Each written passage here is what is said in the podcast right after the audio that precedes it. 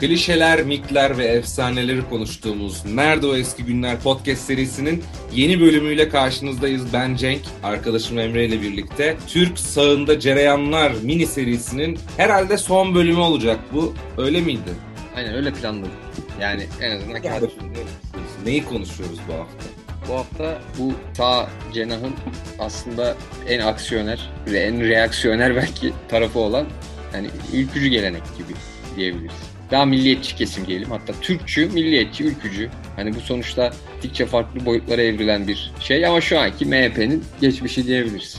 Ülkücü diyoruz aslında özetle. Aynen ya biz şimdi genelde hep 70'lere odaklandık biliyorsun. Biraz öyle gitti konsept bu dört bölümlük seride sağ cenahta. İşte Akıncılar da, mücadeleciler de, Milli Türk Talebe Birliği ekseni de hepsi 70'li yıllarda zirve yapmış akımlar. Aslında ülkücüler de öyle. Yani en popüler oldukları tarih herhalde 70'li yıllar denebilir. Tabii çok fazla olayla da anılıyor. Yani sol blokla yaşadıkları birçok şiddet olayı var. Türk tarihi, Türk siyasi tarihi en azından Cumhuriyet'in en karanlık yılları denebilir. En azından ölüm, yaralı vaka bağlamında bunu söylemek ya da şiddet sarmalı. 70'leri söylüyoruz değil mi? Şiddet sarmalı bağlamında ki bunu söylemek çok rahat söylenebilir. Çok fazla hadise var. Zaten bu hadiselerin bu şey sonucu da 12 Eylül darbesi. Doğru. Yani şiddetin en tırmandığı noktada böyle bir kopuş yaşandı. O zaman nereden başlıyoruz tam olarak? Şimdi şöyle bu Türkçülük yani milliyetçilerin hani bir nevi e, kaynak kaynağı olarak diyebileceğimiz aslında Türkiye'de Türkçülük 30'lu 40'lı yıllarda da var. Çok önemli temsilcileri var. Mesela biri Nihal Atsız. Türkçülük tabii onlarınki biraz daha şeyden yalı, yalıtılmış halde İslam'dan. Dini motifleri çok az olan. Daha çok işte Türklerin orta nasıl diyelim Türklerin kadim geleneklerine yaslanan bir şey var işte o dönemde. Şimdi Nihal Atsız çok ilginç bir figür aslında.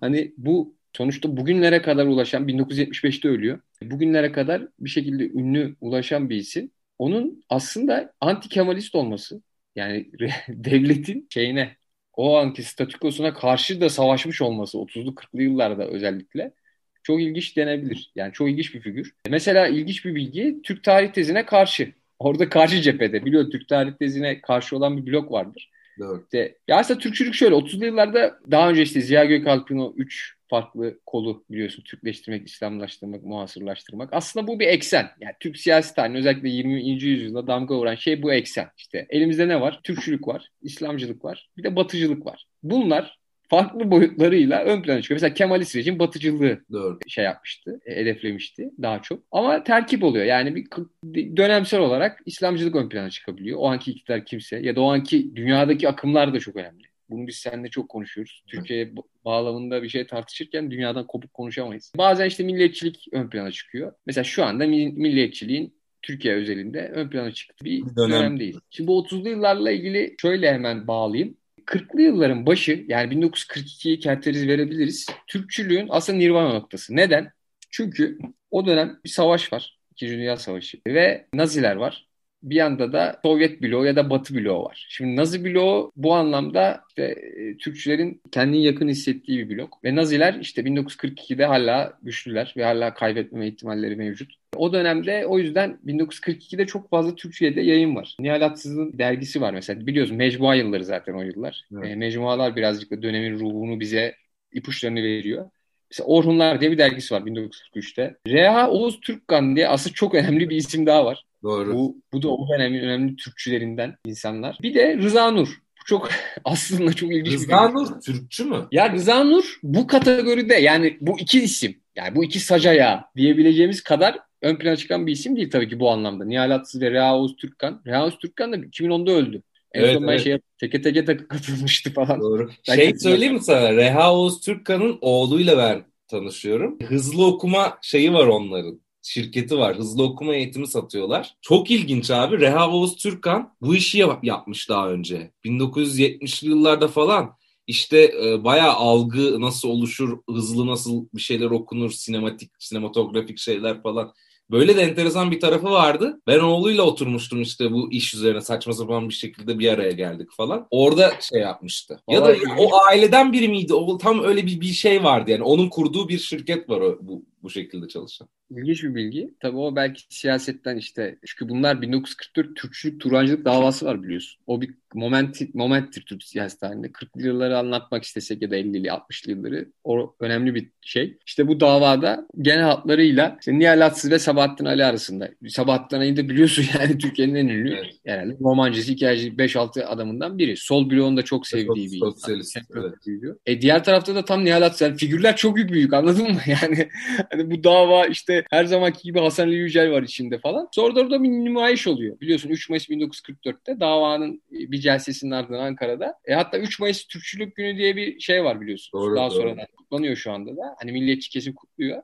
O oradan kalan bir şey yani. Oradan miras bir şey. Bayağı enteresan. Tabii ama Kemalist rejim herhangi bir sivil toplum oluşumuna ya herhangi kendisinin tamamen hakim olmadığı, çok karşı olduğu için de o Türkçülük Turancılık davasının ardından Türkçülere işkence yapılıyor. O ünlü tabuk, tabukluk işkenceleri falan var. Doğru. E, Nazilerin kaybetmesiyle o zamanki siyasi atmosferde ve Batı bloğuna yanaşmamız gerektiği düşüncesiyle demokrasinin falan daha ön plana çıkması gerektiği için yani Türkiye orada bir tercih yapmak zorunda kaldığı için gibi diyelim ya da ardından o Türkçülük Turancılık yani Türkçü kesimin o 42'de yani 40'ların başındaki popülaritesi azalıyor ancak daha sonra yepyeni bir düşman teşekkül edecek Sovyetler. Yani sol blok teşekkül ettiği zaman da Türkçüler bir kez daha rağbet bulacak. Yani farklı bir formda. Bu Türkçüler dediğimiz e, bu milliyetçiler daha farklı bir rağbet bulacak. Çünkü Soğuk Savaş başladı. Türkiye batıya gitti ama artık e, Sovyet bloğunun karşısında anti-komünizm başlığı altında bir iğme ve hareketlenme var. E, Türkiye'de bu destekleniyor. Bir şekilde hem devlet organları hem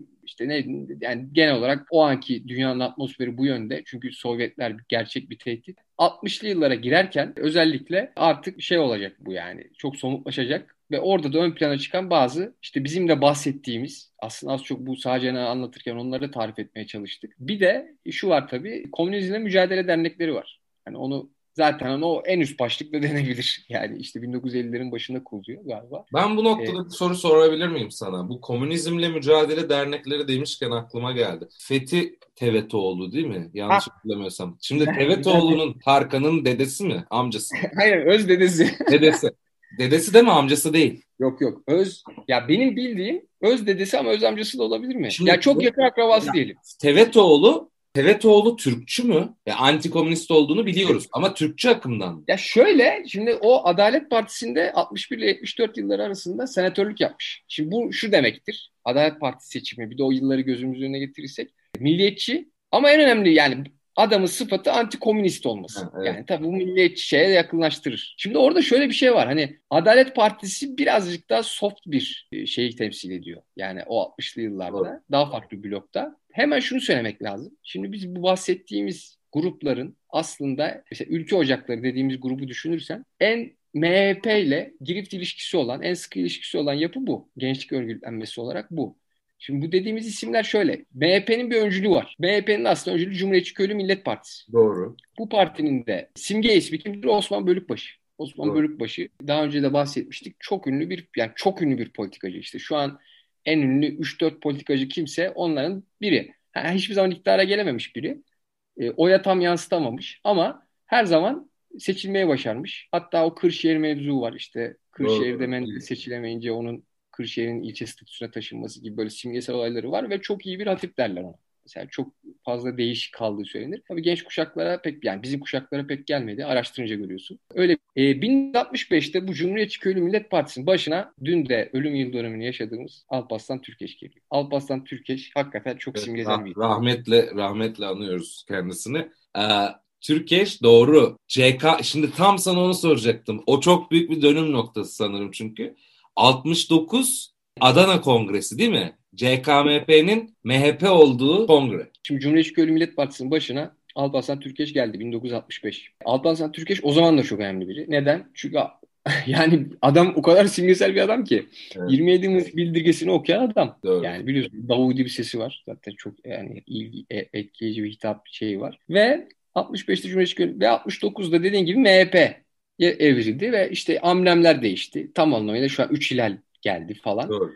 Yani çizgisi böyle Türkçü. Hani o 40'lardaki kadar yalın ve farklı bir formatta olsa da yani yeni formatı daha farklı bir formatta olsa da yeni bir döneme e, kapı aralanmış oldu. Bu burada birkaç not ekleyelim. Şimdi parti 69'dan itibaren e, güçlü bir parti haline yavaş yavaş geliyor. Bu arada 1969'daki seçimdeki oy oranı %3. Yani hmm. aslında böyle acayip bir şey yok. Ama o zaman baraj yok. Baraj olmadığı için de vekil atı yani %3 önemli. Yani %3'ün de bir karşılığı var. 68 yılında şöyle ülke ocakları kuruluyor. Ülke ocakları bir nevi de facto gençlik örgütlenmesi diyebiliriz MHP'nin ve hala işte tabii arada kapandı açıldı onlar ayrı ama hala da devam ediyor. İşte ülke ocakları deyince aklımıza bu geliyor. Ve bir hadise de şu, bir ünlü bir hadise var. Bu birazcık da popüler bir şey. Komando kampları. Hmm, evet, evet. 68'de açılan bir komando kampları hikayesi vardır. İşte bu sağ sol bloğunun ihtilafı, çatışmaları da şöyle denir. İşte komando kaplarında ülkücü gençler eğitim aldılar. Sol cenah bunun silah eğitimini de ihtiva ettiğini söylüyor. Ülkücüler Alparslan Türkeş'in ağzından da duyduğum kadarıyla hayır diyor. O diyor sadece işte e, karate gibi, judo gibi daha çok savunma anlamıyla ön plana çıkan diyebileceğimiz sporlar yapıldı. İşte orada bir bir nevi yani gençlik kampı gibi. Hani kültürel aktivitelerin daha çok ağır bastığı bir tevi gençlik kampı gibi. Ama bu komando kamplarının özelliği şu çok fazla spekülasyona kapı aralıyor. 60'lı 70'li yıllar boyunca 60, ilk, ilk 68'de İzmir'de şey yapılıyor. Ege'de ve böyle işte o komando kampları çok spekülasyon. Yani spekülasyonun kaynağı şu. Solcular der ki o komando kamplarında işte şiddete meyilli insanlar yetiştirildi derler. Hani bu çok net kanıtlanmış bir şey değil ama her ihtimal doğru olabilir diyelim. Komando kamplarını da bir kenara koyarsak 70'li yıllar boyunca MHP sağ sol kamplaşmasında çok önemli bir özellikle doğru özellikle ülkücü hareket bağlamında zaten hani gençlik örgütü olarak dediğin gibi orada çok etkili oluyorlar 70'li yıllarda. Şimdi bir önceki yayında biz ne konuşmuştuk? İşte şeyi anlatıyorduk. Türkiye bu 70'li yıllarda solun bir 74 affı hatırlıyorsundur. Şimdi 74 affında solun işte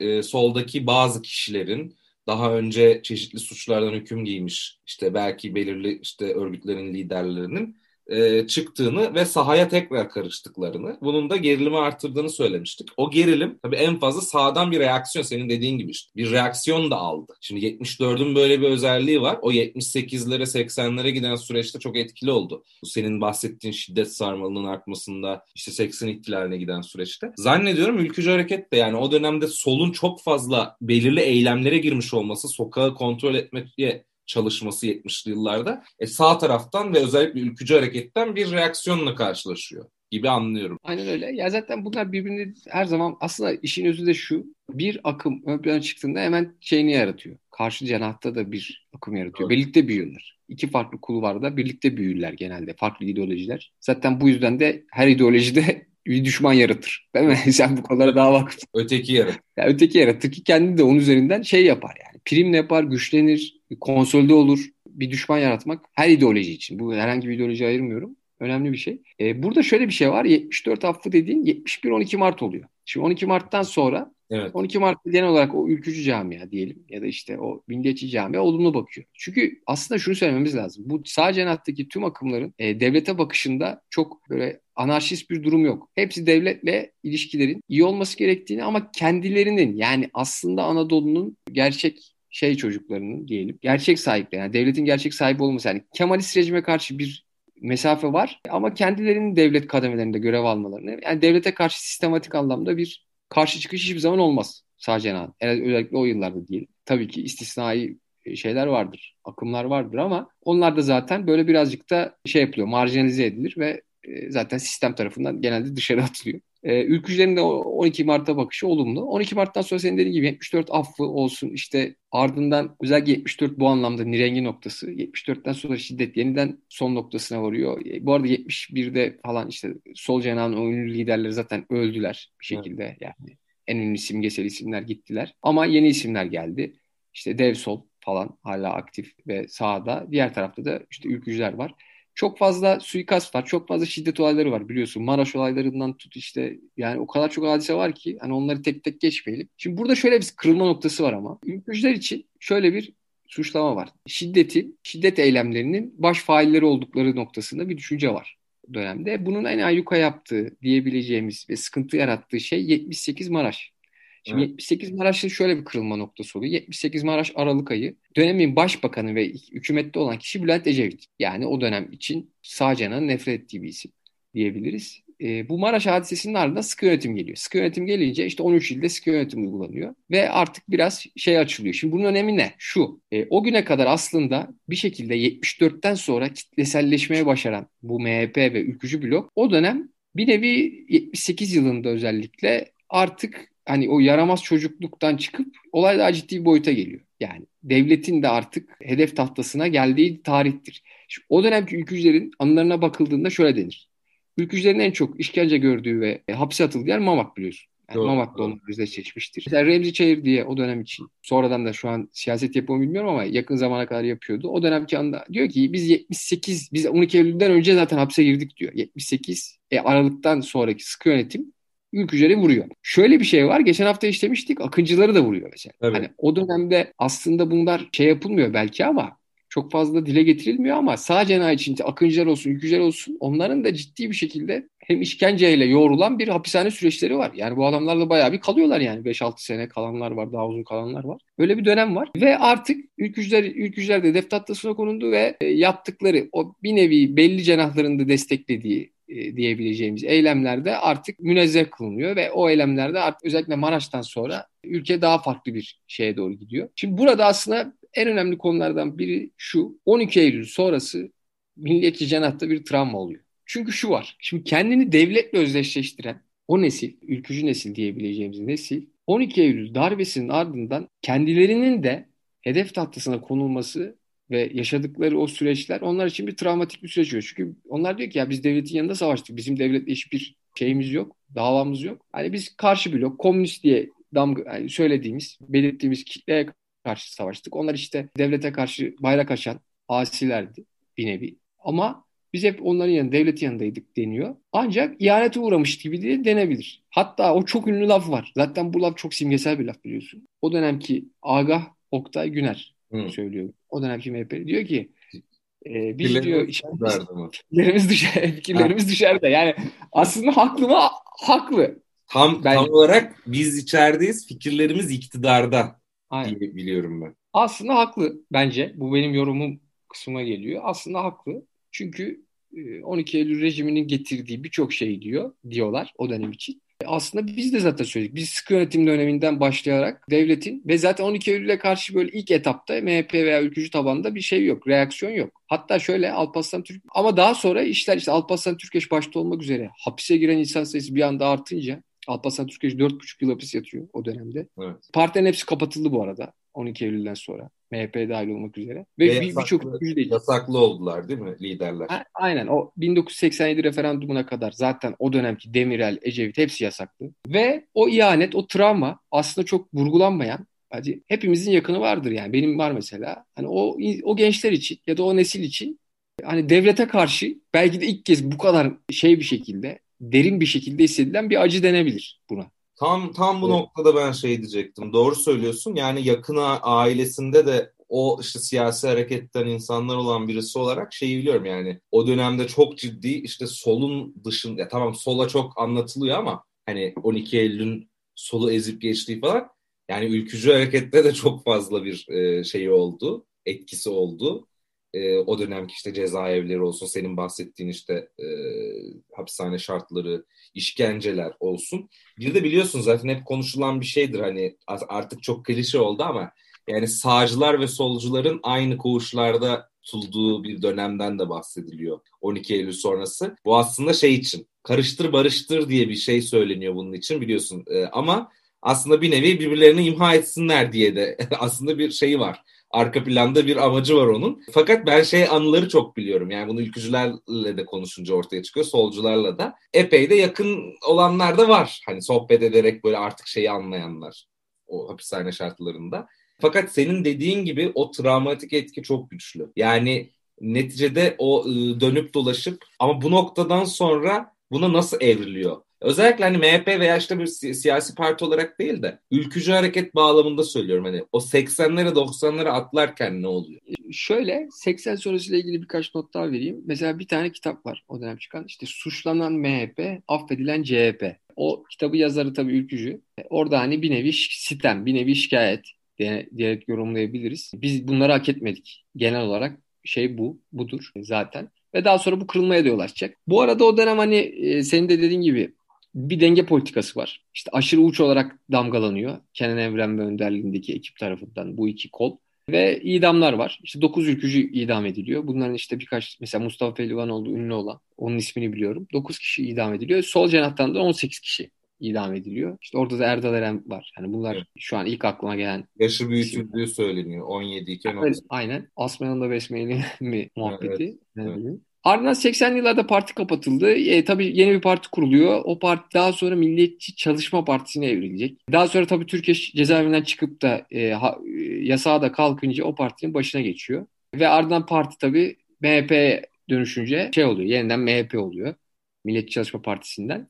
Orada bir ayrılma var. Buna hemen bahsederim. 91 yılında Muhsin Yazıcıoğlu kolu ayrılıyor. Hani onlar artık partide temsiliyet anlamında sıkıntılar olduğunu, kendi ideolojilerinden sapma olduğunu o aslında bence burada da bir yorum yapayım. O 12 Eylül'ün şeyi bir e, ardından bir ayrılma gibi geliyor. Yani 12 Eylül'deki o kırılmanın yansımaları olarak görüyorum. E, daha sonra işte böyle e, bir şey var. Daha sonra da işte 90'lı yıllarda 97'de dediğimiz gibi Alparslan Türkeş ölecek. Şöyle bir birkaç notla bugüne getireyim. Sonra bitireyim en azından birkaç detay dışında. 90'lı yıllarda parti parti ya şöyle bir kırılma var. 80 sonrası parti artık merkez sağa yanaşıyor. Yani merkez sağa yakın bir dil, muhtedil bir dil kullanılıyor ve Bahçeli'nin çok övülen şey vardır. Şiddet sarmalından gençliği uzak tuttu. Bu hep 23 sene, 24 senedir gündemdedir. O doğru. E, parti bu anlamda bir kabuk değiştiriyor ve o eskiden şiddetle anılan o parti 80 öncesi özellikle 80 sonrası bu konuda en azından mesafe koyuyor denebilir. 97 Türkeş ölümünden sonra Bahçeli geliyor ve bugüne kadar devam ediyor onun şeyi. Türkeş'in aldığı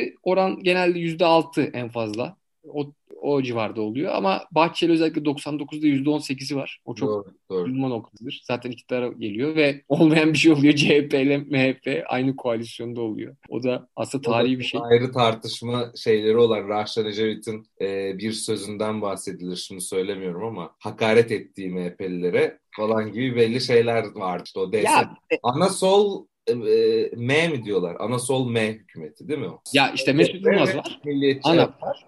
Evet. Doğru diyor. Üç parti var ama adını şu an şey yapamadım. Doğru olabilir dediğim. E, ama normal ya şöyle çünkü 70'li yıllar çok fazla hakaretler. Bak ben evet. az önce bir şey gördüm yine Alparslan Türkiye. Yani herkes birbirine hakaret ediyor. Yani o 70'li yılların politikacıları şey çok olmuş. Yani tansiyon çok yüksek ve çok ciddi şiddet olayları var. Yani şimdi bunların hiçbiri aslında günümüzde olmuyor. Onu fark etmiyorsun. Yani tabii dünyanın değişmesiyle de alakalı bir şey. Yani şimdi o zaman olan olayların yani çok fazla her gün ölüm var, her gün hadiseler var. İşte çok karanlık, kötü olaylar var. Hani böyle kitlesel boyutta varan vahşi olaylar var falan. E şimdi en azından bu anlamda o kadar kötü bir karne yok. Bunu da söylemek lazım. Diyelim. O yüzden o kutuplaşmanın 70'lerdeki kutuplaşmanın bir nevi mirası olarak böyle cümleler edilmiş olabilir diyeyim. Ve daha sonra parti aslında altın yıllarını MHP diyelim. Yani par- parlamenter demokrasiyle diyelim. Gerçi parlamenter demokraside yaşamıyoruz artık galiba da.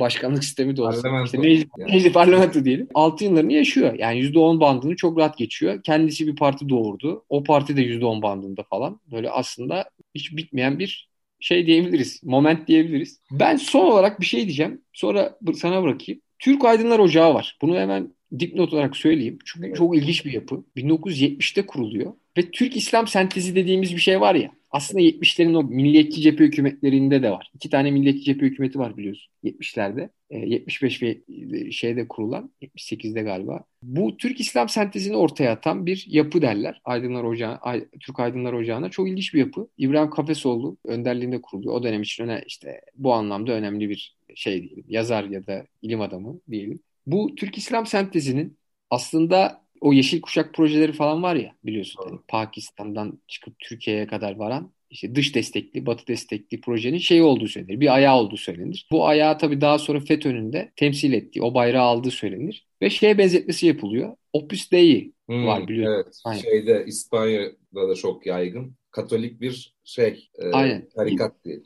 Tarikat diyelim tam FETÖ'vari bir şey. Şeyleri var çünkü. Okullarından tut işte hegemonik yani kültürel hegemonya inşasında evet. Çok net bir aparat. Yani toplumun kılcal tüm damarlarına giren bir aparat e, ve mesela işte Franco'nun rejimini kültürel hegemonyasını sağladığı söylenir Opus Dei için. Burada da iddia şudur işte Opus Dei'nin bir nevi Türk Aydınlar Ocağı'nın da bunu yapmaya çalıştığı ama güdük kaldığı söyleniyor. Fikri anlamda kaldığı söyleniyor diye bir iddia var. Bu Türk Aydınlar Ocağı çok ilginç bir yapı aslında. Bu da bir dipnot olarak söyleyeyim. E, o dönemki işte bazı milliyetçi ekollerin, yani bazı milliyetçi diyebileceğimiz isimlerin de içinde yer aldığı bir ekol diyebiliriz. Bunlarla şey yapalım. Son bir de şey söyleyeyim. İşte dediğimiz gibi Türkçülük 30'lu 40'lı yıllarda aslında zirve, 40'lı yılların başında zirve yapmıştı. Daha sonra form değiştirerek şu anki günümüze kadar geldi diyebiliriz. Ya Türk Aydınlar Ocağı'ndan bahsedince e, bir an dertlendim. Ben de bu ara böyle 1952'de kurulmuş bir dernek hakkında araştırma yapmaya çalışıyorum. Ee, şu an var olmayan. Evet böyle dernekler var. Çok ilginç. Yani biraz ayrıntı bir şey gibi geliyor bana. Çalışma gibi geliyor ama böyle bir işte dersimiz var. Ya bitir ya şey diyeceğim ya. Bunu söylemek lazım. 70'lerin ortasına itibaren MHP İslami açıdan İslamlaşma, milletinin yanına İslami şeyi de getiriyor. Boyutu da getiriyor. En azından partinin şeyinde, retoriğinde daha çok yer almaya başlıyor. De, demek de lazım 70'lerin ortasına itibaren onu da vurgulayalım. Yani daha böyle İslami nüanslar ön plana çıkarılıyor. Bir de benim çok sevdiğim bir cümle var. 80 darbesinin yarattığı o hayal kırıklığını anlatan işte şimdi hapiste ülkücüler var. Ama bu insanlar hani bir nevi orada bir boşluğa kalmış düşmüşler. Çünkü çok böyle başbuğ, yani Türkiye eksenli bir hareket. E, oradan pek ses çıkmıyor. Şey Doğru. kopmuş gibi. Liderle İletişim. İletişim zayıf. Yani zaten hani şey. Ve hani bir nevi bir şey kaybı var. Yol kaybı, bir yörünge kaybı. Bunlar normal tabii hayatın akışında normal şeyler. Şimdi orada ikilem şu işte bir yandan devlet var. Yani bizim hep e, sahip çıktığımız onların cenah açısından söylüyorum. Bir yandan da işte başımıza da bir sürü şey geliyor. İşkenceye kalıyoruz işte haksız yere hapisteyiz gibi. Muhsin Yazıcıoğlu o dönem şöyle bir cümlesi varmış işte karşılıksız sevenlerin isyanlı sükutu. O serzenişi anlatan böyle bir cümlesi var. Hakikaten. Ben ee, tam onu o, o yorumu yapacaktım demin. Seni bölmedim gerçi. Muhsin Yazıcıoğlu hani bölünme oldu dedin ya BBP kuruldu. Büyük Birlik Partisi falan kuruldu. E, Muhsin Yazıcıoğlu'nu bu arada ülkücü yani nedir Ülke Ocakları Genel Başkanlığı yapmıştı. Öyle bir önemli bir görevi var. Tam yılını hatırlamıyorum ama 70'lerde olması lazım diye 70'lerin sonlarında çok aksiyoner bir kişi kendisi. İşte 90'larda böyle bir siyaseten bir şey oluyor, karışma oluyor. Ee, Emre ben çok teşekkür ediyorum. Ayrıntılı bir şekilde ele aldın. Ee, biraz da böyle te- tesadüf eseri bu haftaya denk geldi bu yayın. Yani Alparslan Türkeş'in ölüm yıl dönümünde işte yakın bir zamana. Bundan sonraki yayınlarda zannediyorum sola başlayacağız. Yani Türk solunda cereyanlar mı diyelim artık. Olabilir. Aynen. Ya is- isim olarak evet. Pekala çok teşekkür ederim. Ağzına sağlık. Bizi dinlediğiniz için çok teşekkür ederiz. Sonraki hafta görüşmek üzere.